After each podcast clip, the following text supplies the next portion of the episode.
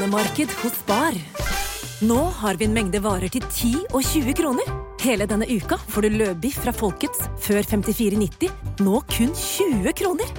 I tillegg får du et utvalgt Vasa knekkebrød, før fra 1690, nå bare 10 kroner. Alltid tilbud på noe godt. Hilsen oss i Spar. En podkast fra Podplay. Denne episoden kan være skremmende for enkelte lyttere. Om du er yngre eller sensitiv, bør du lytte til episoden med en voksen du stoler på, eller skru av.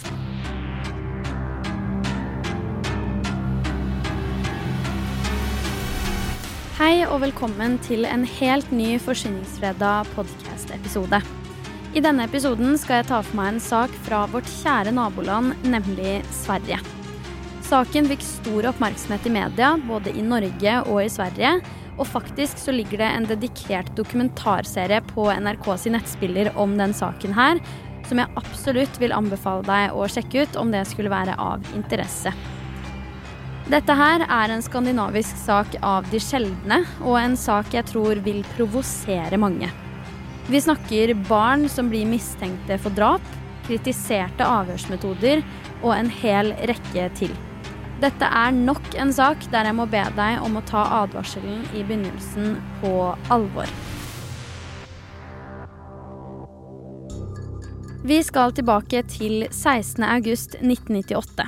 Dette er dagen da fire år gamle Kevin Hjalmarsson blir funnet død på en trepall langs vannkanten i Arvika i Sverige. På tidspunktet da Kevin ble funnet, hadde han vært savna i noen timer allerede, og det var faktisk Kevins egne bestefar som endte opp med å finne han ved vannkanten. På tidspunktet da Kevin ble funnet, hadde han vært savna i noen timer allerede, og det siste man visste, var at Kevin hadde lekt med bestekompisene sine, nemlig Robin og Christian.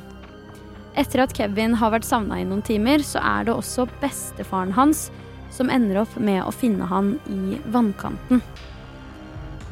Politiet tilkalles naturligvis umiddelbart, og innledningsvis trodde de faktisk at dette var en ulykke, i hvert fall frem til svarene på obduksjonsundersøkelsen kom inn. Disse kunne nemlig fortelle oss at fireåringens dødsårsak var at han hadde blitt kvalt til døde ved hjelp av noen pinner. Teorien rundt dette er da at han først har blitt kvalt til døde, og deretter blitt flytta til denne pallen hvor han senere ble funnet, som da igjen lå i et siv ved vannkanten. Brødrene Robin Dalen og Christian Karlsson, som på tidspunktet var henholdsvis fem og syv år gamle, hadde fortalt faren sin at de så Kevin bli drept. Dette resulterte også i at de ble avhørt av politiet i saken, og det er så sykt å tenke på at det faktisk er saker der ute hvor barn i såpass ung alder må i avhør for å fortelle hva de har opplevd i saker som denne. I sin tid var det jo gjennom elleve uker med veldig harde og intense avhør, og disse kommer jeg snart tilbake til. Det tok heller ikke lang tid før politiet konkluderte med at disse brødrene på fem og syv år hadde tilstått at det var de som hadde drept Kevin, og dermed ble saken lukka. Jeg klarer virkelig ikke å sette ord på hvor uforståelig akkurat det her er for meg. Altså, vi snakker om to barn som mest sannsynlig har bevitna noe av det verste man kan bevitne. På toppen av det så finnes det ingen tekniske bevis på at det faktisk var de som hadde gjort det, og barna hadde naturligvis heller ingen advokat i sin tid. Det skal sies at Robin og Christian aldri ble dømt for forholdene fordi de var så unge, men de ble overført til barn- og ungdomspsykiatrien. Disse to brødrene, som i bunn og grunn ble ansett å være gjerningspersonene, har helt siden den gang tiet og aldri fortalt sin side av saken frem til juni 2017. Helt frem til da har etterforskningsdokumentene vært både hemmelige og private, men siden guttene da var i 20-åra, så skaffa SVT seg tilgang til dokumentene. Som jeg nevnte, så var disse guttene gjennom totalt elleve uker med intense avhør, som da var ca. 31 avhør av disse små guttene. I dokumentaren som ligger på NRK sin nettspiller, så kommer det veldig tydelig frem hvordan politiet pressa disse små guttene i timelange avhør og utspørringer. Og de ble også belønna for å gi politiet informasjon. For eksempel kunne de si noe sånt som hvis du holder ut nå, så skal du få snakke med moren din. Og selvfølgelig vil jo en fem- og syvåring snakke med moren sin. Totalt tre ganger ble også guttene med politiet til åstedet, som i utgangspunktet er noe man kan gjøre for å oppfriske minnene, men i noen tilfeller så kan det også være med på å skape falske minner. Falske minner er jo egentlig hovedgrunnlaget for veldig mange falske tilståelser også, som vi har vært inne på i andre saker, bl.a. Birgitte Tengs-saken med fetteren, som jeg lagde en episode om nylig. Og man kan også se det i Therese-saken, som jeg kommer til å ta for meg i en senere episode.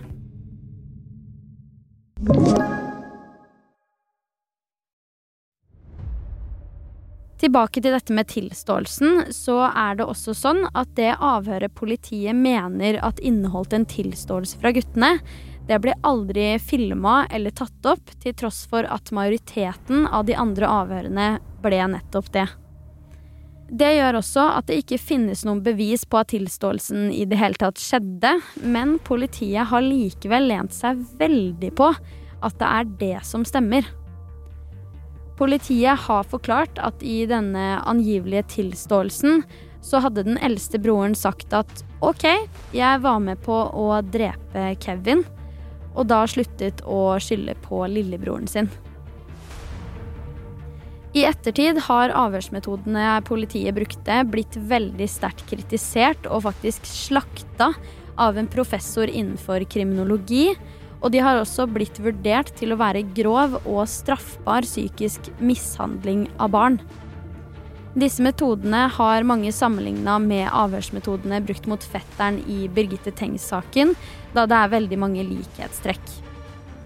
I likhet med veldig mange saker så er det jo dessverre også sånn at politiet gjerne bare vil få et svar på saken, og det viser seg ofte i saker fra typisk 80- og 90-tallet at det er det som gjerne styrer litt innenfor etterforskningen av kriminalsakene. Det er ufattelig trist å se tilbake på akkurat det, fordi det har også gjort at det er veldig mange kriminalsaker der ute som fremdeles står som uløste fra denne tidsperioden, og man har brukt veldig mye unødvendig tid på feil steder i etterforskningen. Jeg var så vidt inne på tidligere i episoden at Robin og Christian har valgt å holde seg så anonyme som de har kunnet i årene etter det her skjedde. Dette var da før de endelig valgte å fortelle sin side av saken i 2017. Det samme gjelder også for foreldrene deres. De har også valgt å holde mest mulig hemmelig. Faktisk så hadde familien inngått en pakt om at denne saken kun skulle snakkes om mellom dem, og at ingen andre skulle få vite noe som helst, slik at dette ikke ble større enn det behøvde å være.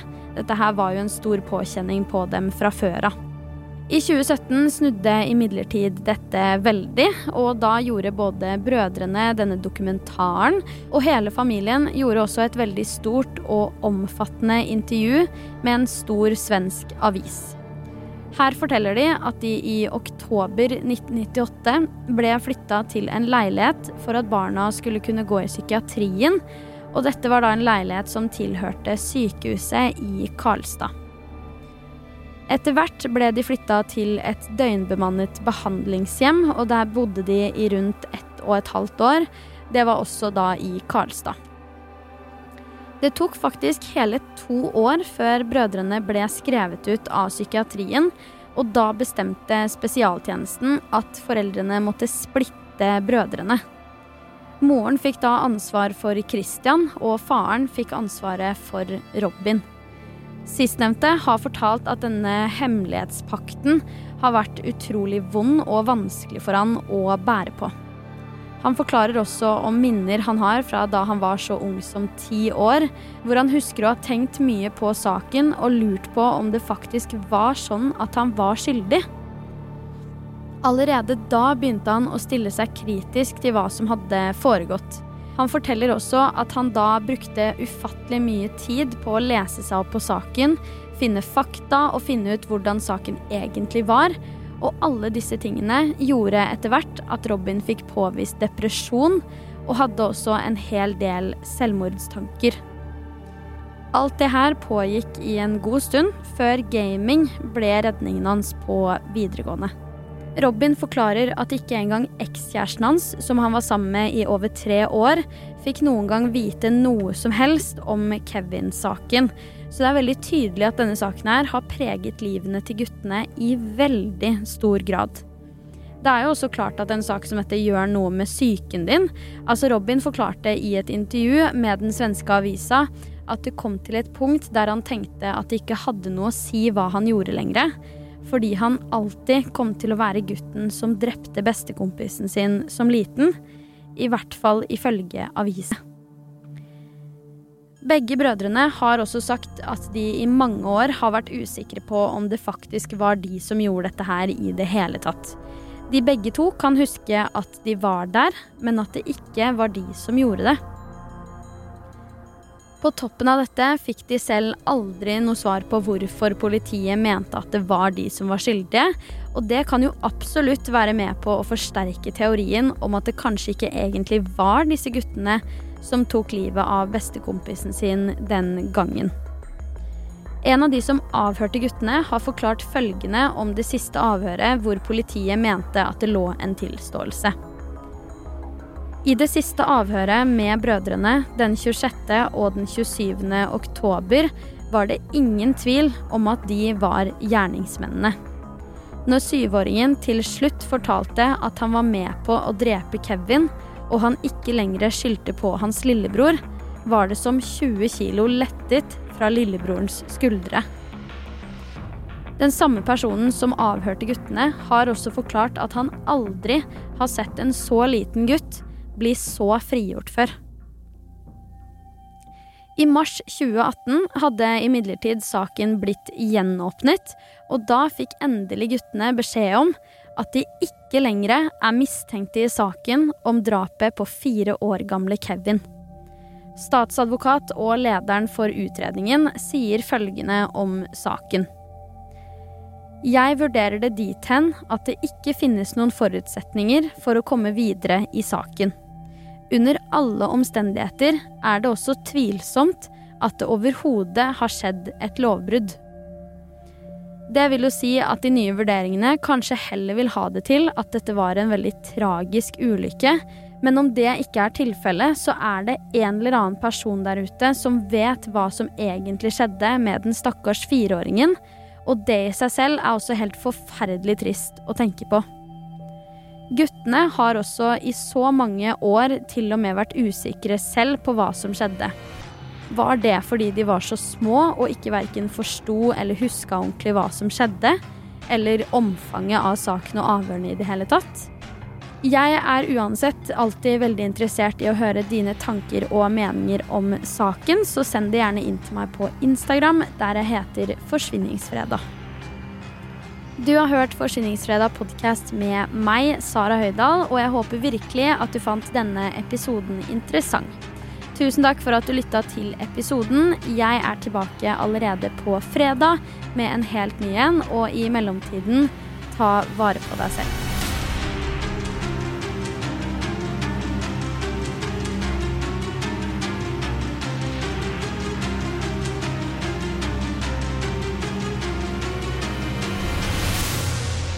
Du har hørt en podkast fra Podplay. En enklere måte å høre podkast på. Last ned appen Podplay eller se podplay.no.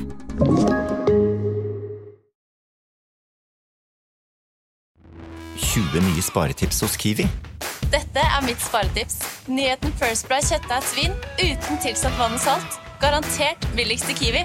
Nå får du First Price kjøttdeig av svin til 29,90, First Price bacon til 21,90 og mange andre First Price-nyheter hos Kiwi.